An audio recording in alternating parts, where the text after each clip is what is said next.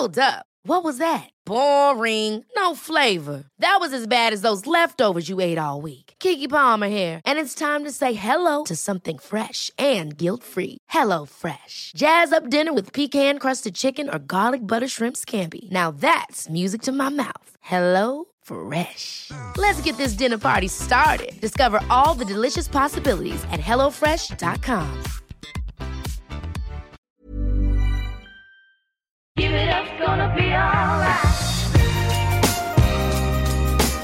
Jeg har grua meg litt, jeg. Til dagens episode.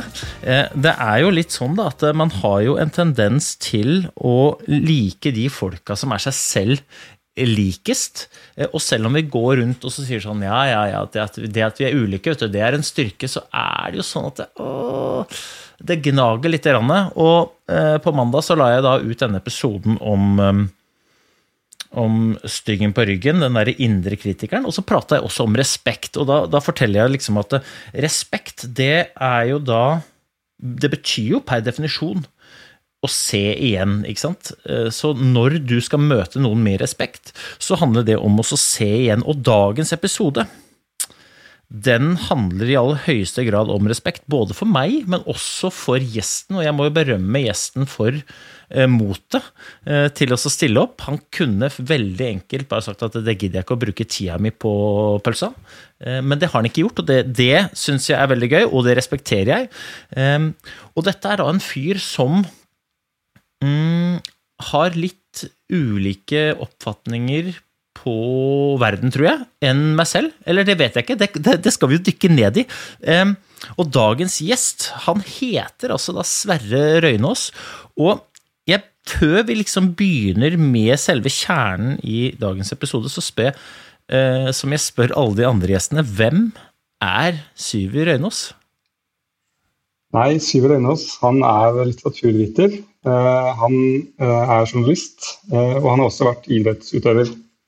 Eh, og noen flere ad adjektiver eller stillinger tror jeg ikke jeg har på nappet. Eh, det er jo på en måte vanskelig å definere seg selv i en person. Du har jo skrevet en slags eh, biografi.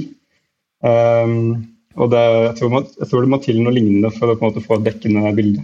Ja, for dette, du svarer jo med Jeg syns dette er veldig spennende spørsmål, fordi at du svarer jo med hva du jobber med, eller hva du har holdt på med i, eh, i treningstøy. Eh, Men du svarer ikke så veldig mye på hvem du faktisk er. Er det, er det en bevisst liksom eh, er det, er det den du føler at du faktisk er? Altså Legger du så mye identitet i jobben, eller, eller er det bare det du er vant til å svare fordi det er det du er vant til at det, den som spør, søker? Jeg tenker det er ganske eh, vanskelig å på en måte formidle en følelse av identitet i en samtale, egentlig. Eh, Det første man spør om når man møter noen på fest, er eh, nettopp hva driver du med? Og med det mener man igjen hva jobber du med, eller hva studerer du, hva bryr du deg om, da.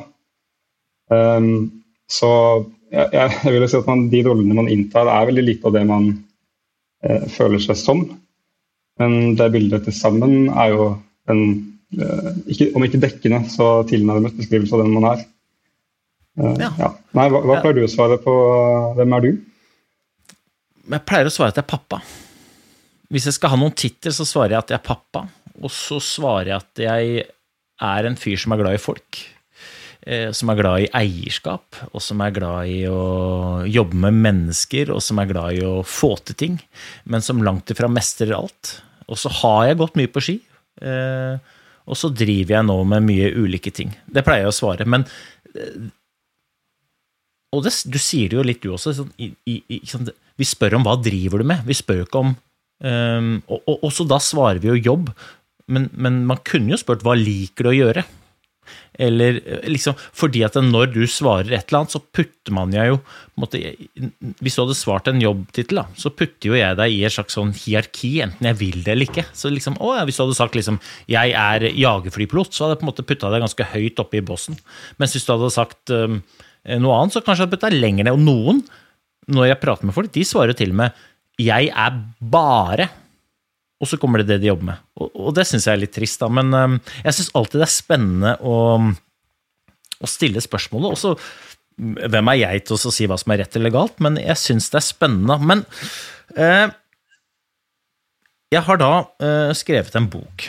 Den heter Helt konge. Den er det mange som har lest. Eh, i, I snakkende stund så er det vel solgt eh, 20 22 000 eksemplarer. Veldig mange av de har eh, kommet tilbake til meg og sagt at det resonnerer med hvordan de tenker, og har fått masse hyggelige tilbakemeldinger. Og så er det helt sikkert folk som hater boka også. Eh, og de har jeg ikke hørt noe om. Eh, men jeg har fått én anmeldelse i et blad som heter Under dusken, eh, som du er journalist eh, for. Og det er nok den tilbakemeldingen som jeg har? Dette er litt sånn typisk, for at du får haug av positive, og så får du én som bare sånn stikker deg skikkelig i magen. så, ah!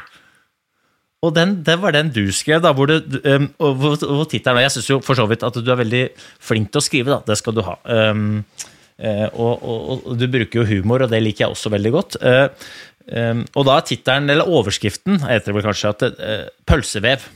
Og så er det da tydelig at denne boka viser at keiseren mangler klær. Og så er jeg da så nysgjerrig på Kan ikke vi bare diskutere de ulike synene vi har på den boka?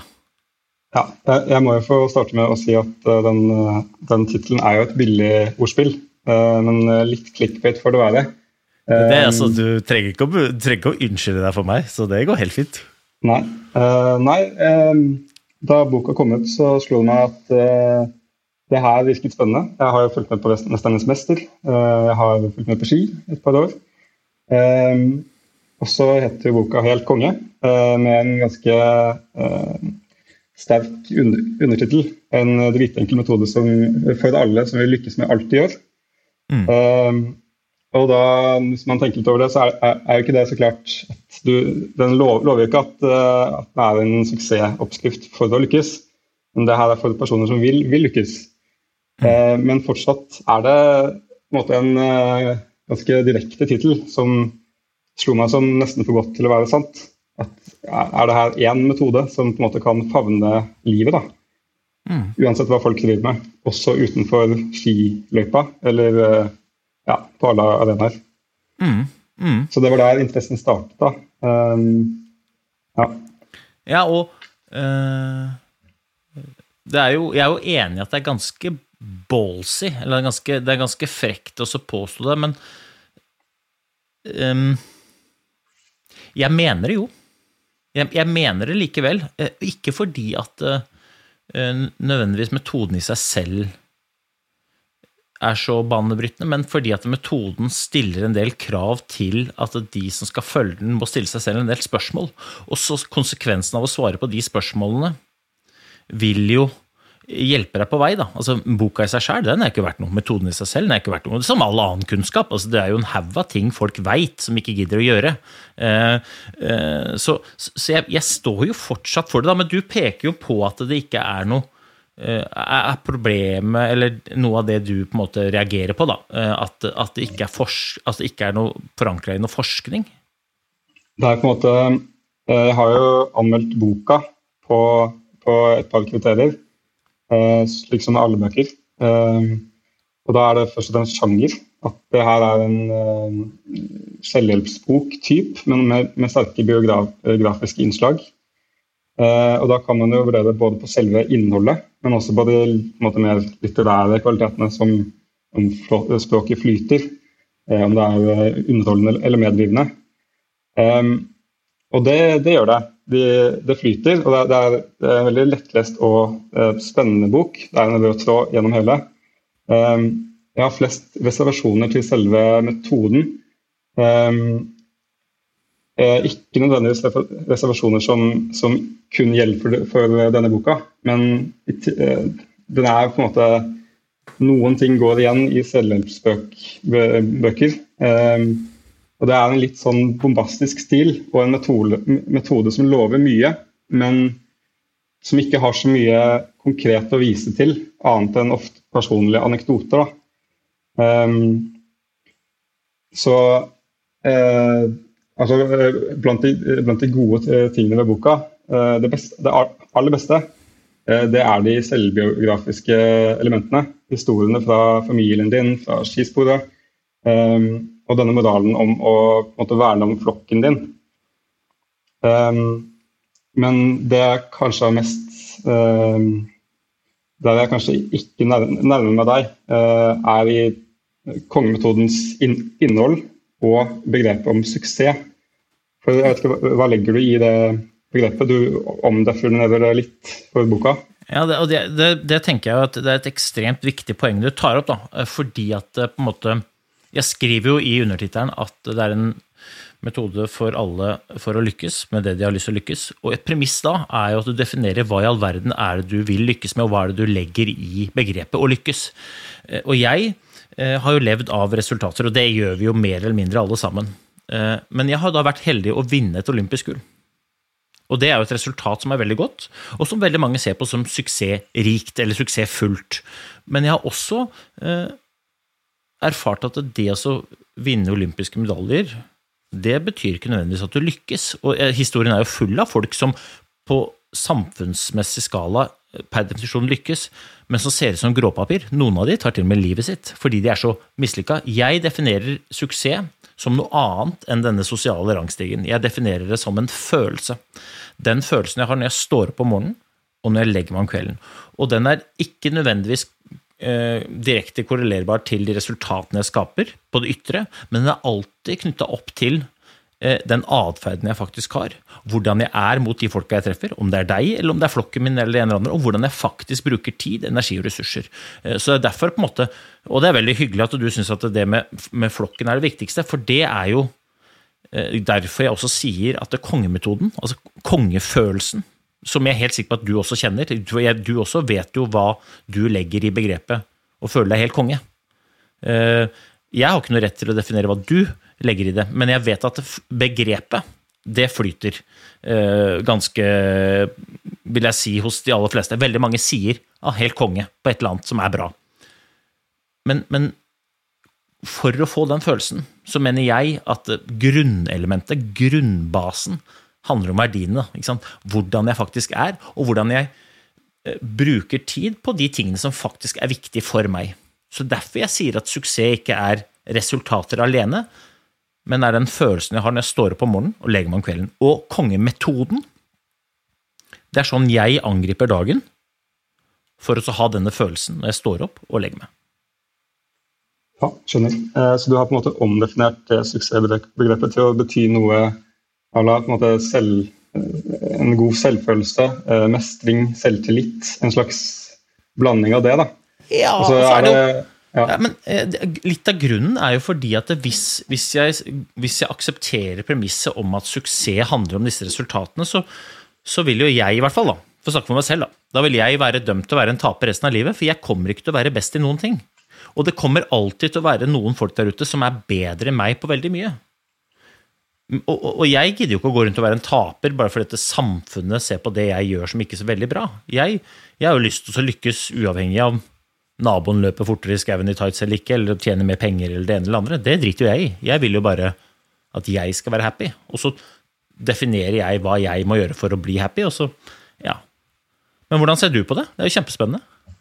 Ja, nei, jeg tenker at det er jo, det, er jo, det stemmer jo. Man burde ikke styre livet sitt etter en sånn ytre suksess som kanskje i enda større grad enn i skisporet eller på en idrettsbane kan ha såpass mange uh, usikre elementer. Da. Altså uh, alle planer, eller in ingen planer, motstår iverksettelse. på en måte. Alt går galt så, først, så fort det blir iverksatt. Men jeg vet ikke om den omdefineringen av begrepet på en måte har noe annet enn retorisk effekt. Hvis kongemetoden um, er ment å skulle uh, skape en følelse av Eh, mestring og, og, velvære. For jeg, er litt skeptisk til at en sånn, en sånn metode kan eh, påvirke eh, en, Eller ha en varig endring i eh, stemning, eh, på følelsene. Eh, og, liksom, utover det som man bestem, kan bestemme seg for. Altså, Tankens kraft er et gjengående element i mange selvhjelpsbøker. Ja. Og til en viss grad så stemmer det jo at man kan ta grep over, over egne tanker. Eh, men eh, det er akkurat der, eh, og det er jo på en måte kjernen av kongemetoden, at man skal skape positiv indre suksess. Der eh, savner jeg på en måte en eh, begrunnelse i Det kan være forskning, det kan være eh, noe annet enn bare personlige anekdoter. da. For jeg tror også at Hvis man går rundt og, jakter på en sånn følelse av indre suksess hele tiden, så kan det ha motsatt effekt. Ved at For det første må de målene du definerer deg, eh, K-en i konge, være veldig gjennomtenkte eh, og på veldig riktig nivå. Du kan ikke sette den for høyt, og du kan heller ikke sette den for lavt.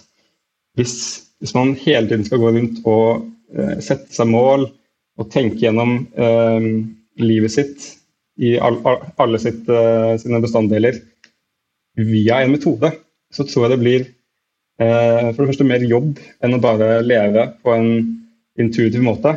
Men jeg vet ikke om det har eh, noen varig effekt i seg selv. Altså, det- for er gå tilbake til, til en, en ting dere, dere snakket om i en tidligere podkast. Så der dere eh, nevnte at um, folk flest kanskje lever um, i hamsterhjulet sitt. Og med det mener dere på en sånn intuitiv um, Bare hopper ut i det. Eh, jeg husker ikke hvilken tegneseriekarakter dere brukte. uh, fra Disney. Uh, Pass. Jeg husker ikke jeg heller. Det var i hvert fall en sånn uh, veldig Du skal ikke planlegge noe, uh, men bare ta livet som det kommer. Å ja, det var Baloo var det. Baloo. Ja. Ja, ja, ja. ja, ja. Ta livet som det faller seg-metoden. Stemmer. Og det er jeg veldig det er jeg enig i. At hvis man kun går ut i dagen uh, uten å på en måte bekymre seg, så ender du opp med flere bekymringer. Men jeg tror folk flest går inn i situasjoner med en slags konge kongemetode som er intuitiv. Jeg tror ikke Altså, både barn og unge og til og med dyr går inn i situasjoner for eh, om det er problemløsning eller eh, sette seg mål for å få, få til ting med en sånn altså Underbevisstheten vår jobber hele tiden for å eh, sette seg mål og finne løsninger uten at man må ramse det opp og skrive det ned. Mm. Men så er det jo også sånn at eh, for oss Altså, kongemetoden er jo eh, Det høres jo veldig sånn skjematisk ut, men det er jo bare en, en, en klar strategi på hvordan jeg angriper hverdagens små eller store valg. da. Så eksempel det du sier, jeg er jo enig at du skal ikke gå rundt og sette mål hele tiden. Og, og det er ikke alltid at man engang vet målene på alt man skal gjøre. Men det man alltid kan styre, det er jo hvordan man skal være i de situasjonene hvor man er. Og det er jo verdiene. Hvordan er det jeg har tenkt å opptre når jeg kommer i den situasjonen? Og, og for oss å opptre i henhold til verdiene. For jeg mener at du kan ikke mislykkes så lenge du gjør ditt beste og følger den der, jeg kaller det for verdikompasset, da. liksom følger verdiene dine og hva de faktisk betyr, så kan du ikke mislykkes. Det er ikke sikkert du mestrer alt og skaper fantastiske resultater, men jeg tror du kan gå og legge deg om kvelden med en god følelse. Du kan stå opp om morgenen med en god følelse fordi at du vet at du uansett hva du har gjort, i hvert fall har handla basert på det du har bestemt deg for å stå for. Men for å få til det, så tror jeg det er naivt da, å gå ut i hverdagen og så ha en intensjon. Og det, alle har jo gode intensjoner. Det, er som, det er, veldig få som går ut av døra og tenker nå skal jeg gjøre et litt dårlig stykke jobb, eller være litt dårlig eller en eller andre. Men jeg tror det er mye lettere å være slik man har lyst til å være, hvis man har definert det på forhånd. Det sies sånn at kriser skaper gode ledere. Sånn, det er jeg litt uenig i, for jeg mener at kriser avdekker hvilke ledere som før krisen oppstår, har bestemt seg for hvordan de skal håndtere den, og ikke. De som ikke har gjort det, de handler intuitivt der og da. Mens de som har bestemt seg på forhånd for hva- slags strategi de skal angripe krisa for, de har jo større sannsynlighet for å ha litt oversikt og litt sånne ting. Og det er jo det, er, det, er, det er her på en måte jeg mener at kongemetoden er ganske god. Da, fordi er, For det første er den veldig enkel, for den andre er den universell, og for den tredje så er den brutt ned sånn at det er veldig intuitivt å bare gjøre det. Og så kan man hver eneste dag evaluere effekten. For én står jo for evaluering, og det handler bare om å sjekke at det vi gjør, bringer oss dit vi har lyst til å komme eller ikke. For hvis jeg kan ta deg på noe, da, og, det er ikke noe forskning Men min erfaring er at folk er ganske slitne. Og grunnen til at de er slitne, det er jo fordi at de gjør det de gjør. ikke sant? Det må være, eh, sånn er det jo. Det er jo en konsekvens av det de holder på med. Det er derfor de er slitne. Og da er jeg Men la, interessert i men la meg kan man skyte inn en ting der. For uh, folk er ikke bare slitne fordi de på en måte lever uh, sånn som de gjør, uten å tenke seg om i sitt hamsterhjul, da, om du vil. Jeg tenker at Mye av det som skaper stress i hverdagen til folk, er nettopp uh, planlegging. Og at de skal liksom være så bevisst rundt, rundt valgene sine og prestere, om enn bare ved å føle seg vellykkede på innsiden. Ja, og jeg tror vi er enige. vet du. Det er jo derfor jeg vil at du skal ha metoden. Fordi at hverdagen er fylt opp med en haug av krav som vi visstnok eller liksom skal tilfredsstille. Men det ender jo opp med at vi slutter å tilfredsstille den vi faktisk har lyst til å tilfredsstille, og det er oss selv og de folka vi bryr oss mest om. Hver gang jeg sier ja til noe jeg burde si nei til, så går det utover meg selv eller flokken. Jeg skulle ønske at gjennom denne metoden så fikk vi på en måte snevra inn fokus, så vi ikke ble et offer for samfunnet eller for situasjonen vi står i, eller for hamsterhjulet. Men jeg mener at hvis ikke du velger, så blir du dratt inn i trakta, og så går du ned. Mens hvis du velger, tar et aktivt Fader, dette Nå må jeg bare stoppe opp litt. Hva er det jeg holder på med? Og er det noe her, enten jeg kan slutte å gjøre, eller begynne å gjøre, ta kontroll over, slik at ikke jeg blir revet i fillebiter? For dette her er ikke bærekraftig. Jeg vil Men, føle ja. meg bra. Men finnes det ikke- en metode for å, ta de, for å tenke seg om sånn? For eh, altså, Ja, jeg- jeg metoden mener er allmenn og un un universell, eh, men den er kanskje litt for vid, sånn at den rommer alle. Eh, det er på en måte vanskelig å finne noe helt konkret å følge. Ja, men hvis du Steg én er jo enten konkrete verdier, da. Eller konkret mål. Så hvis f.eks. dine verdier er at du skal øhm, ja, Du har et sett med verdier. Og så har du som konkret mål jeg skal begynne å bruke mer tid på familien. Ok, det legger noen føringer for hva du, Syver, må bruke tida di på. Og hvis målet ditt er mer tid med familien, så betyr det at du, når du møter eh, muligheter i hverdagen som går på bekostning av familien, så må du si nei. Fordi målet ditt sier at du skal bruke mer tid på familien. Så all tid som du bruker på utsiden av familien, da skal du si nei. Så da, på en måte, da, da, da kommer du jo til det som du vil. For jeg er også helt enig.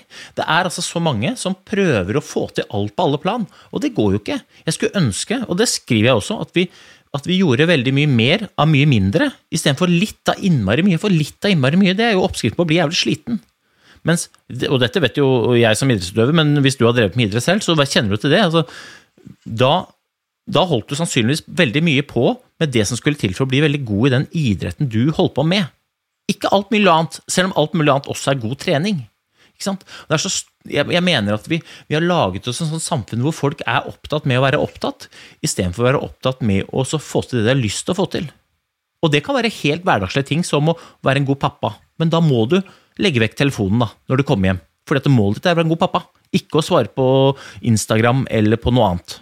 Ja, Men så har man jo mange mål på en gang, da. eh, Og et slags eh, ideal eller verdi om å leve meningsfylte eh, liv. Og enhver målsetning vil jo på en måte redusere vekten på de andre. Så, så klart må man velge, men så må man på en måte hele tiden gjøre de valgene på nytt, da. Nei, jeg tror ikke man skal gjøre de på nytt. Jeg bare tenker at Du sier det jo. Vi har veldig mange mål. Ja, er ikke det litt dumt? Er det ikke bedre å finne noe du virkelig brenner for, og gjøre det, da? Vet du, jeg, jeg, jeg men prøver å være jeg- ganske jeg knallhard på For det er eh, lettere å si på en måte for um, i sånne konkrete situasjoner. Som hvis man skal, altså Én ting er jo å satse i idrett. Der er, det, der er målet satt. Uh, men folk lever jo på en måte i hamsterhjulet sitt uh, av en grunn. De har såpass mange baller i lufta. Uh, de har barn, de har jobb, de har ønsker og drømmer. Og da tror jeg ikke eh, målet på en måte må være å kutte vekk noe av det men heller på en måte senke litt for- forventningene. Eh, Glemme litt dette prestasjonsbehovet eh, som, er, som jeg synes er et symptom på vår tid. At man skal være så fryktelig man, skal ikke, man skal prestere, men først og fremst for egen del. Altså, du, du skriver at eh, det, det aller mo- modigste du kan gjøre, er å bare være deg selv. Eh, og det hø høres bra ut, eh, men det er, stemmer det egentlig? Eh, man ikke på en måte definere seg selv eh, ikke ut fra sånne mål man setter på egen hånd, men bare prøve å være ja, handle ut, ut fra verdiene, men ikke så veldig analytisk, da. Eh, ja, men, hva- Hva er det du er uenig i at eh, det lønner seg å være seg selv, og at jeg mener at det er ganske modig å være seg selv? Hva er det- Hva er det du er uenig i på akkurat det? Du skriver at uh, suksess handler ikke om andre, kun om deg. Uh, og da tenker jeg at du kan faktisk ikke, ikke bestemme deg for å uh, føle deg suksessfull uh, kun ved å følge sånne indre mål. Jeg tror at metoden er så vid at den på en måte ikke har noen uh, brukbarhet i det faktiske liv for mange. Har, du har tydeligvis fått mye gode tilbakemeldinger og truffet en nerve hos mange igjen. og igjen, De sier det, og de roser deg, og det skal du ha kreds for. altså, Du har sikkert gjort, skapt endringer i folks liv. Men jeg tror en, en betydelig andel som Um, som ikke leser denne boka fordi, litt pga. Uh, alt den lover. Og som føler at de, uh, de trenger ikke en Eller de, de, de, tror ikke på at det finnes en metode som en måte, kan hjelpe dem uh, gjennom livet. Uh, og jeg er enig i at alle kan og bør lykkes, uh, men jeg, jeg syns ikke man burde måte, kun bry seg om den, det indre suksessbegrepet ditt Ehm, det er jo tross alt eh, Man lever eh, sammen med folk eh, i hverdagen. Så det, måte, det blir så kunstig å sette opp. Nei, men jeg, jeg, jeg, jeg, jeg syns jo det er artig poeng, da, men um, en av mine verdier er jo egoisme. Ja, for du skriver også at, at jeg håper alle går rundt og er, og er superegoistiske. Ja. Sånn men, men la, la, meg forklare hvorfor, da. Ja, men la, la, meg forklare hvorfor. da, for at En av mine verdier er å være egoistisk. Og hva er en egoist gjør? Jo, den beskytter jo det som en selv har definert som viktig for en. Eh, og i mitt hode så er jo egoisme positivt, fordi at eh, det jeg har definert som er viktig for meg, det er jo familien, for eksempel. Eller de, de folka jeg treffer på, på jobb, og som jeg bruker mye tid på. Og hver gang jeg får et tilbud om et eller annet som går på bekostning av de, så er jeg egoistisk nok til å si det, det, passer ikke. Hvorfor? Fordi at jeg beskytter de flokken. Så Sigurd på seks, som ligger nå oppe og sover, og Oda på, på ti, som ligger oppe og sover, de ser veldig mye til meg fordi at jeg er egoistisk. Hvis jeg er egoistisk og folk kjører, føler at jeg kjører over dem, så mener jeg at det er ikke egoismen som er feil. Da er det jo verdiene mine jeg må kikke på. For jeg har ikke lyst til å gå rundt og kjøre over folk. Jeg har lyst til å ta vare på de folka som jeg bryr meg om. Og så må jeg være ærlig og si at jeg bryr meg jo mer om meg og mine enn om alle andre. Som jeg så du, ikke nødvendigvis Så du inkluderer altruisme i egoismebegrepet, da? Altså selvoppfyllelse? Ja. For jeg føler meg helt konge hvis jeg tar vare på de folka jeg bryr meg mest om. Ja. Og inkludert meg selv. Og det, det. Det, den, etter den definisjonen så tror jeg de fleste lytterne av den podkasten er helt enige. For det er på en måte en såpass lite kontroversiell påstand. Eh, ja, men du angriper den jo. Nei, jeg, er helt enig i det. Uh, altså, jeg er helt enig i at uh, hvis man definerer ego egoisme sånn, så er det jo kan, Det er jo umulig å si seg uenig i det. Men jeg angriper det retoriske eh, poenget i å først si at alle skal være superegoistiske, og så omdefinere det. Og så er det på en måte Ja, du har, du har lest en setning, og det, du føler at du har At du leser noe, noe som er på en måte som gir deg noe. Men så er ordene litt tomme, fordi du, du har ikke lært noe nytt.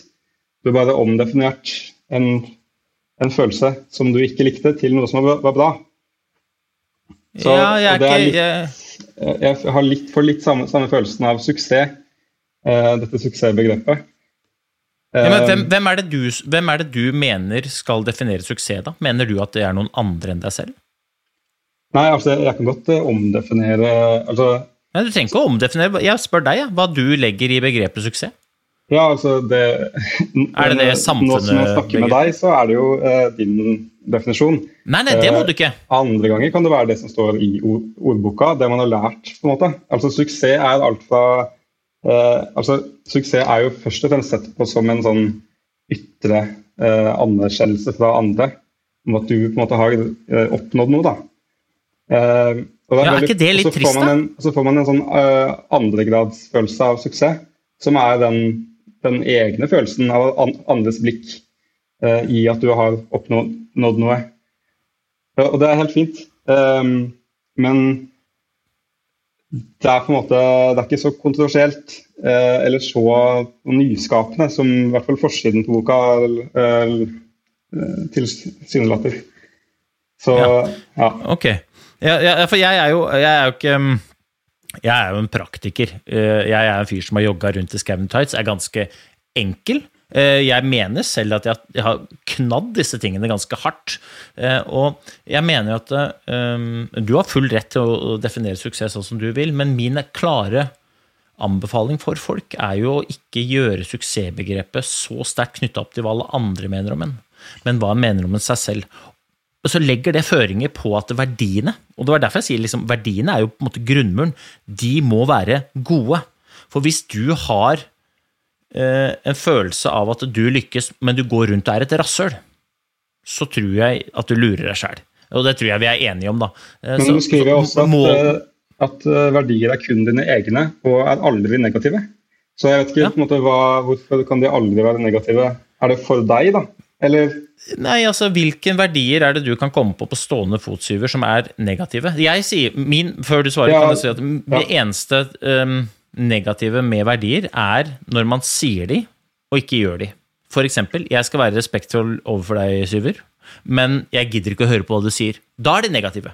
For at da sier jeg én ting, skaper en forventning om at jeg skal gjøre sånn, og så gjør jeg noe annet.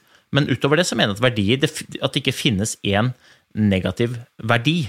hva med, du- hva med standhaftig, som du selv bruker i boka? For det er jo på en måte, for deg selv så er, er det en fin ting å kunne være standhaftig, men for resten av dem rundt deg er det potensielt ganske, om ikke irriterende, så vanskelig å leve med, eh, og kan gå utover folk.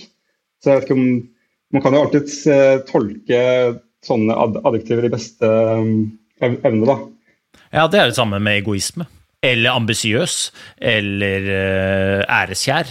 Eller ja. det ene eller det andre.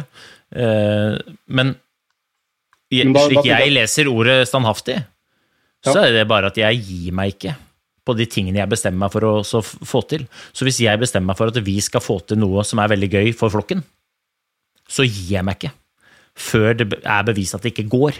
Og det er ikke så veldig ofte at det ikke går, for at jeg, målene i seg selv hos meg er ikke så veldig ambisiøse. Jeg er veldig ambisiøs på egne vegne rundt hvordan jeg opptrer, men jeg vet jo at jeg kan kaste ringer som uh, ingen i dette landet klarer å kaste ringer, så det er ikke alltid at jeg klarer å få til ting jævlig bra. Men jeg er ganske standhaftig på å gjøre et ærlig forsøk, og jeg gir meg ikke. Og nå, nå, når jeg på en måte hører på deg, så blir jeg gira på en måte ved at uh, altså, jeg, jeg er jo enig i, at, uh, i alt du sier. Um, og du, du snakker overbevisende om det.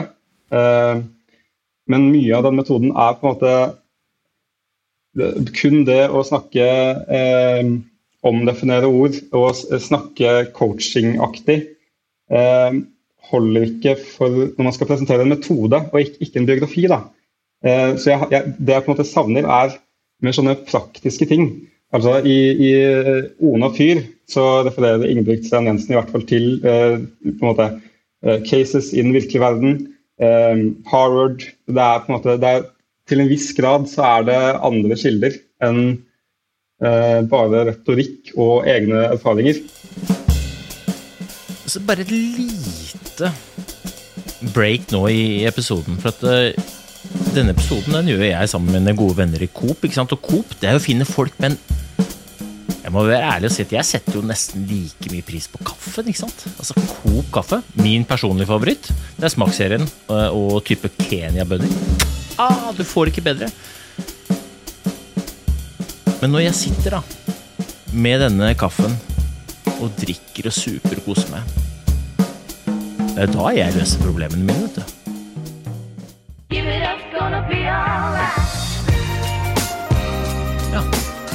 Det er jo eh, det er Du har lov til å ha den oppfatninga. Det er veldig gøy at du sier det. Liker, det skal du vite, at jeg liker veldig godt at du utfordrer meg på det. Em, personlig så, så tror jeg det kommer av at jeg har bare mine egne erfaringer. Altså, Jeg er jo ingen akademiker, og det er jeg jo ærlig på. Jeg er en praktiker, jeg er en fyr som bare har sladda rundt. Men jeg, jeg er veldig bevisst på de tingene, og jeg vet jo at jeg har gjort mange ting ganske bra. Eller sånn fått til, fått til eh, gode resultater innimellom, og så har jeg fått til mye dårlige resultater. Jeg var veldig bevisst på hvem hva er det som ligger bak her, sånn, så prøver jeg liksom å, å, dele det, da, altså, i og med at jeg da ikke eh, har ringt rundt og spurt om andre Jeg liker å bruke mine egne eksempler, for de kjenner jeg jo godt. Og, og på en måte kan det er lettere å fortelle de. Jeg, jeg syns f.eks. det er gøy at du angriper den derre eh, historien som starter helt i starten med, med Holmenkollmarsjen, hvor, um, hvor poenget mitt er det at de, det vi ser på, det, det har vi liksom en, en egen evne til å akseptere som det optimale. Inntil noen kommer og flytter perspektivet vårt. Eh, og, den, den, dagen, eh, den, dagen, der sånn, i februar 2015, så flytta jeg perspektivet på hva som var mulig å gjøre i den Holmenkollmarsjen. Og så angriper du det fordi at jeg skriver at eh, løypa var den samme, men måten vi så den på, hadde endra seg. Jeg hadde, jeg hadde endra andres syn på løypa gjennom å drive med utvikling. Og det, det, og det mener jeg jo. fordi at før starten så var det en løype som det ikke gikk an å vinne på blanke ski. Etter det rennet så var jo det et, et skirenn som man kunne eh, skulle, Verdens beste skiløper sleit mot en avdanka sprinter hvis han gikk på blanke ski og hadde trent på det. Og sånn er det jo hele tiden, mener jeg. da, at det på en måte Inntil noen kommer og flytter perspektivet vårt, så, så aksepterer vi det vi står og ser på. Men når noen har gjort det, da hopper vi. Vi kan bruke Klæbo. Diagonalgangen til Klæbo. Hvor mange milliarder med tak med diagonalgang tok jeg før Klæbo gikk forbi meg og løp? Og plutselig så hadde jeg fått endra hele perspektivet mitt på hvordan jeg så på diagonalgang, gjennom at han der guttungen med den fine sveisen løp forbi meg mye fortere. Og sånn er det jo hele tiden. Men du, du mener at det er å liksom lure noen? Skyte noe, noe der. Eh, fordi ja, ja. De, de selvbiografiske episodene de er både engasjerende og du blir inspirert. Det er jeg helt enig i. Eh, det er, altså, det er utrolig mange spennende, eh, engasjerende historier i boka. Ikke bare fra disse skiløypene, men med familien din, hvordan sønnen din lærte å skate. Og det er masse lærdom man kan trekke av det. Men det blir på en måte, det er noe med selvhjelpslitteratur-sjangeren og formen som gjør det litt Når det blir kombinert med sitater av litt sånn tvilsomme figurer, så blir det en, sånn, det blir en slags kontrast som, på en måte, som jeg antar at mange, inkludert meg, ikke blir truffet helt av. Uh, du siterer bl.a. Uh, Martin Luther King Dalai Lama, eh, Einstein eh, og fysikere som James Maxwell. Så måte, hvor, hvor kommer det fra? Er det, er det, på en måte Ja, de har, de har jo levd liv, de òg, med sin livserfaring. Men de hadde nok ikke stilt seg bak eh, mye av det så, som kongemetoden går ut på. I hvert fall ikke Dalai Lama. Eh, Nei, altså det er jo sitater som jeg bruker fordi jeg mener det er gode sitater. Uh, og så er det jo for det å stå for din regning at de er tvilsomme figurer, uh, men uh, I en selvhjelpsbok, da. Det er jo Jeg mener jo at sitatene er gode, og grunnen til at jeg trekker fram de sitatene, er fordi at jeg har brukt de mye til å drive med utvikling for meg sjæl. Prøve å se verden Eh, fra andre perspektiver enn min lille boble her hvor jeg står. Og da søker jeg kunnskap rundt folk som jeg blir inspirert av, eh, og som er litt ulike enn meg. Altså, jeg og Dalai Lama vi er ikke helt like på Det er veldig mye du kan skille oss på, eh, men jeg syns jo det er gode sitater som jeg bruker, og så prøver jeg da å illustrere det sitatet gjennom en selverfaring og, og, noen refleksjoner som jeg har gjort. Da. Men at det treffer alle, og at vi er ulike. Og det er jo det, er jo det, det egentlig denne episoden her dreier seg om. At vi har ulike perspektiver på det samme. Det syns jeg er veldig gøy, for jeg leser denne boka fra mitt perspektiv. Eh, og du sitter i Trondheim og leser den fra ditt perspektiv. Og at vi da ser denne boka fra ulike hold, det er helt naturlig. Og så syns jeg det er veldig gøy da, at, du, at du tør også Eller tør, jeg vet ikke om det er Jeg, jeg syns det var modig av deg, men det er ikke sikkert at du definerer det som modig. Jeg syns også du eh, altså det er eh, både nysgjerrig eh, og modig å stille opp på en podkast med en kritiker. Det har jeg sett få norske forfattere gjøre. Altså Dag Solstad angriper kritikerne sine for skrivefeil i media. Så det, altså, det skal du ha. Det, er både, det, det var vanskelig å ikke stille opp. Ja, så kult. Det det, veldig, jeg, jeg, var, jeg, var, veldig eh, skeptisk når jeg fyra av gårde av meldinga, men um, det Sett at jeg skal skrive en bok til, da. Eh, hvordan ville Syver at jeg skulle skrevet den boka? For at du hadde sagt nå tror Eller nå har keiseren fått seg klær. Hvordan, hvordan er den boka, liksom? Altså eh, Eller er det hele sjangeren selvhjelpsbøker som du ikke liker sånn personlig? Det finnes mange selvhjelpsbøker som på en måte har eh, Altså, jeg, jeg liker jo Ona Fyr. Jeg har eh, lest et par andre psykologipopulære bøker som kanskje faller innen, inn samme selvhjelpskategori.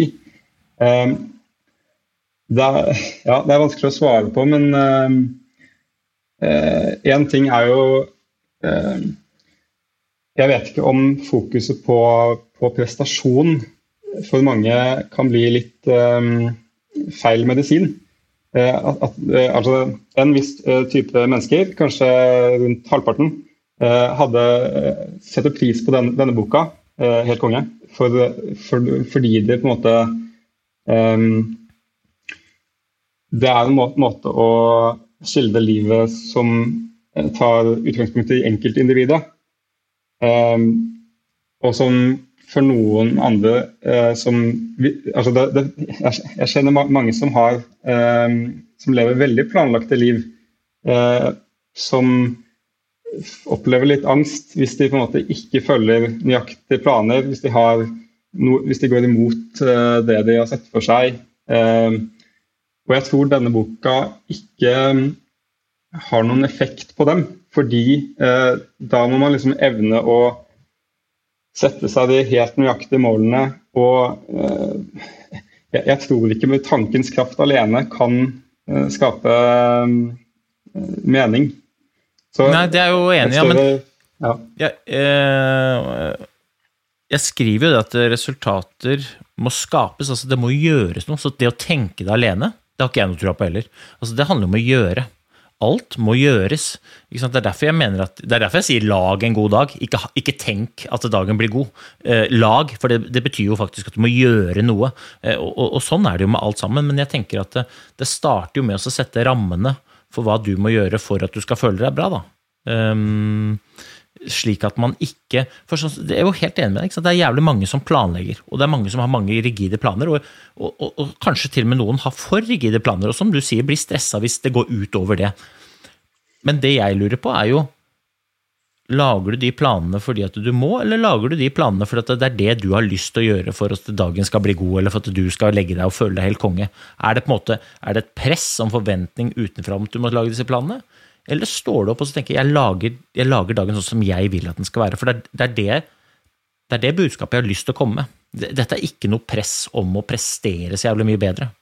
Men det er press, dette er en intensjon om å senke garden for hva alle andre mener om det du holder på med, og så ta litt sånn eierskap til hva du holder på med, slik at du kan dempe dette stresset og presset som samfunnet egentlig påfører oss, hvis vi ikke velger aktivt å ikke være med, da. Ja.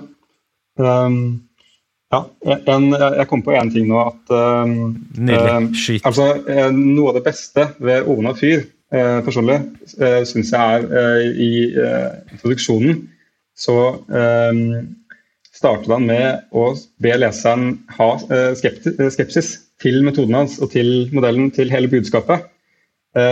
og det er på en måte en det er en god ting, for du, altså det er jo et, et lite triks. For du, du ber om skepsis, og så trengs jo en del tro på metoden også. Men bare det å ha nevnt det, det, det, det kan på en måte kunne, kunne, kanskje fått med meg i enda større grad da, på mm. litt mer ja, på disse argumentene. For, denne uh, denne ja. podkastserien her, vet du, Syver, den har ikke du hørt, for den er ikke sluppet når vi spiller den praten. Eh, og jeg jobber veldig mye på scenen. Og det jeg alltid starter med, eh, det er to ting. Og også i denne, denne podkastepisoden så kan du gå tilbake til episode én, og så kan du høre. Men den, den starter med at det, det første det er veldig lett å få en sånn allviterrolle, enten når du skriver en bok, eller står på en scene, eller har en podkast. Og den allviterrollen er ikke fortjent, og har ikke lyst til å ha. Verdien er sånn ligger jo i hva mottakeren reflekterer og bruker det til. Og du kan kaste alt på båten, eller du kan svelge det, men ikke før du har reflektert litt rundt hva det betyr. For det er nummer to, du skal være skeptisk til det jeg sier, for det jeg sier, det er jo mine erfaringer, mine perspektiver på ting som jeg har opplevd. Jeg tror på det, men det betyr ikke at det resonnerer med det du tenker. Og så vet jo jeg nå, da, det er jo lett å si nå, det visste jeg jo ikke når boka gikk i trykken. Og det burde sikkert ha stått i boka også, jeg er helt enig med deg. Men jeg vet jo at uh, veldig, veldig mange uh, sender meg meldinger om at uh, de kan resonnere med, om ikke hele boka, så i hvert fall store deler av den. Mm. Ja, Men, men det er et veldig godt poeng. Ja, Uh, nei, men eh, jeg føler vi har vært innom eh, ganske mye. Eh, hva, hva hadde du selv eh, Hva, hva, hva, tenk, hva tenker, tenker du boka mangler? Eller hva, hva, ville du, ville du skrevet i neste bok? på en måte? Ville du hatt en samtale med, altså med en, en psykolog? Ville det vært på en måte mer dialogpreget? Er det, er det mm, episoder fra eh, ekte liv som skal på en måte Fortell, Vil du opplyse litt om eh, hva du tenker videre? Kjempekult. Um, I kjølvannet av boka, i, i, slutten av boka, så skriver jeg jo at ta gjerne kontakt med meg. Del dine refleksjoner. Akkurat sånn som du gjorde. Fordi at det er slik jeg lærer. Jeg lærer jo gjennom å få spørsmål som utfordrer meg, som jeg kan løpe rundt og reflektere over, finne mine svar på, eller høre andres erfaringer på de tingene jeg skriver om. Og så, og så på en måte får jeg et større og bredere forståelse. Og så er det en haug av temaer jeg ikke tar opp, eh, som mange lurer på. Så hvis jeg skulle skrevet en ny bok, så hadde jeg bygd det på alle de refleksjonene jeg har fått i etterkant, spørsmålene jeg har fått, og de erfaringene jeg har gjort fra jeg sendte denne trykken, og fram til neste går i trykken. Eh, Og jeg gjorde jo en ganske sterk erfaring den samme dagen som den her gikk i trykken. For da, da holdt jeg på å miste livet med hjernehinnblødning. Akkurat samme dagen. Og Og det gjorde jo at jeg på en måte på veldig, veldig ekstremt vis fikk syretesta suksessbegrepet. Da. For hvis man tenker at det, suksess er det man tenker på, og man er mest redd for å miste når man ligger i et ambulansehelikopter og ikke vet om man overlever dagen eller ikke, så kan jeg si med ganske stor eh, sikkerhet at eh, jeg tenkte i hvert fall ikke noe på eh, resultater, på penger, på status, på medaljer. Det jeg tenkte på, var de tingene som jeg faktisk brydde meg om, og som jeg var livredd for å miste. Og det var jo flokken. Det var jo den derre eh, hverdagslige stå opp, lage matpakke til ungene, spise frokost, få de i seng, lese på senga, følge Oda på fotballtrening, være trener på fotballtreninga, gjøre de tingene som jeg har lyst til å bruke tid på, og som jeg prioriterer, og som jeg har vært ganske god til å prioritere etter at det datt ut av landslag, men som jeg har blitt enda flinkere til å prioritere nå, for jeg vet jo at det er det det dreier seg om. Ja, det er klart at det setter jo ting i perspektiv. Eh, I psykologi så er, det et kjent begrep om denne behovspyramiden, med sånne grunnleggende behov på bunnen, og så har du liksom nær kontakt, og så er det på toppen en liten pyramide eh, som er selvaktualisering. Og der, der tenker jeg at det er mange som går galt. At du, man kan tenke for mye. Man kan bli for selvaktualisert. Eh, og da gjelder det på en måte å eh, dreie fokuset over på, på, de store tingene i livet. Ikke, eh, ikke suksess i all, alle sine former, men eh, en sånn følelse av mening. Og det, Der tror jeg vi kan eh, snakke om samme, samme konsepter. Eh, 100% og uh, i suksessbegrepet, eller i kongefølelsen Det går ikke an å ha kongefølelse hvis ikke du finner mening med det du holder på med. Men meninga den kan jo ligge i, i gleden du opplever, eller det ene eller andre. Det må ikke være så sinnssykt sånn derre voldsomme greier. Men liksom, jeg mener at det, uten noe å huke, uten å måle suksessen mot, uten å ha noe å på en måte leve etter, så er, faller premisset f.eks. rundt mening bort. For hvis du ikke har noen klare mål, så hva er meningen da? Få tiden til å gå, eller ja. Men dette her, altså um, Jeg syns det har vært jævlig spennende prat. Um, jeg takker for at du du viste meg respekt eh, med å stille opp. Ehm, og så syns jeg det var modig. Og så er jeg ærlig på at vi, jeg tror vi er ganske enige på veldig mye. Så er vi sikkert litt uenige på veldig mye, men det er jo sånn det er. At, å, er, det ikke, er, det ikke, er det ikke litt sånn at det, det er ofte de der små tingene som ofte blir litt sånn blåst opp, og så er man liksom plutselig veldig steile fronter bare fordi at man mener litt har litt ulik vinkel eller inngang på de samme begrepene? Ja, nei, man, får passe på å ikke lese boka på omslaget. Uh, verken min tittel eller din, uh, din.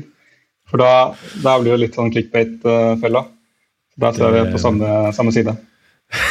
det er ikke skue hunden på hårene, er det vel noen eh, smarte folk som sier. Nå skal ikke jeg eh, si hvem det er, men, eh, men det er i hvert fall mange som går rundt og sier det.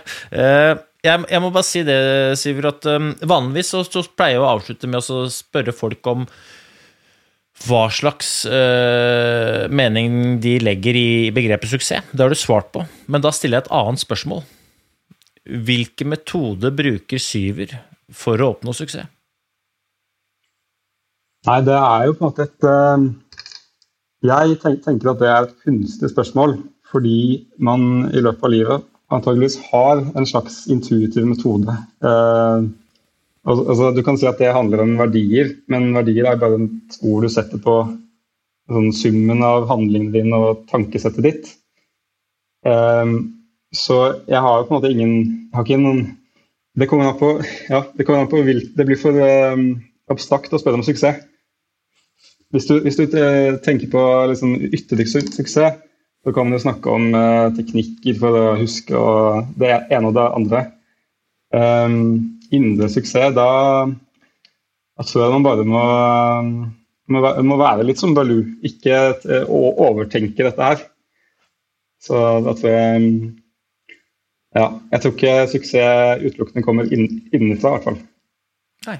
Ja, men det er fint, Syver, det har vært helt konge å ha deg. Og så med fare for å tråkke rett ut i salaten, så får du lagre en strålende uke. Og så skal jeg skrive en ny bok, og så gleder jeg meg skikkelig til, eh, til anmeldelsen. Da, da, da, er vi to. Yes. La, lag en fin dag. Å, der er du god. Der er du god. Tjoho!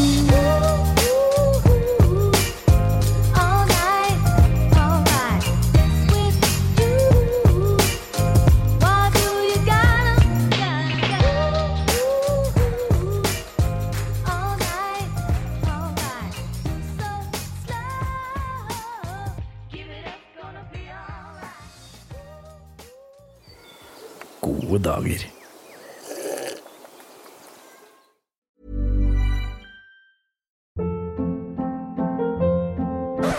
Hold up. What was that? Boring. No flavor. That was as bad as those leftovers you ate all week. Kiki Palmer here, and it's time to say hello to something fresh and guilt-free. Hello Fresh. Jazz up dinner with pecan-crusted chicken or garlic butter shrimp scampi. Now that's music to my mouth. Hello Fresh. Let's get this dinner party started. Discover all the delicious possibilities at HelloFresh.com.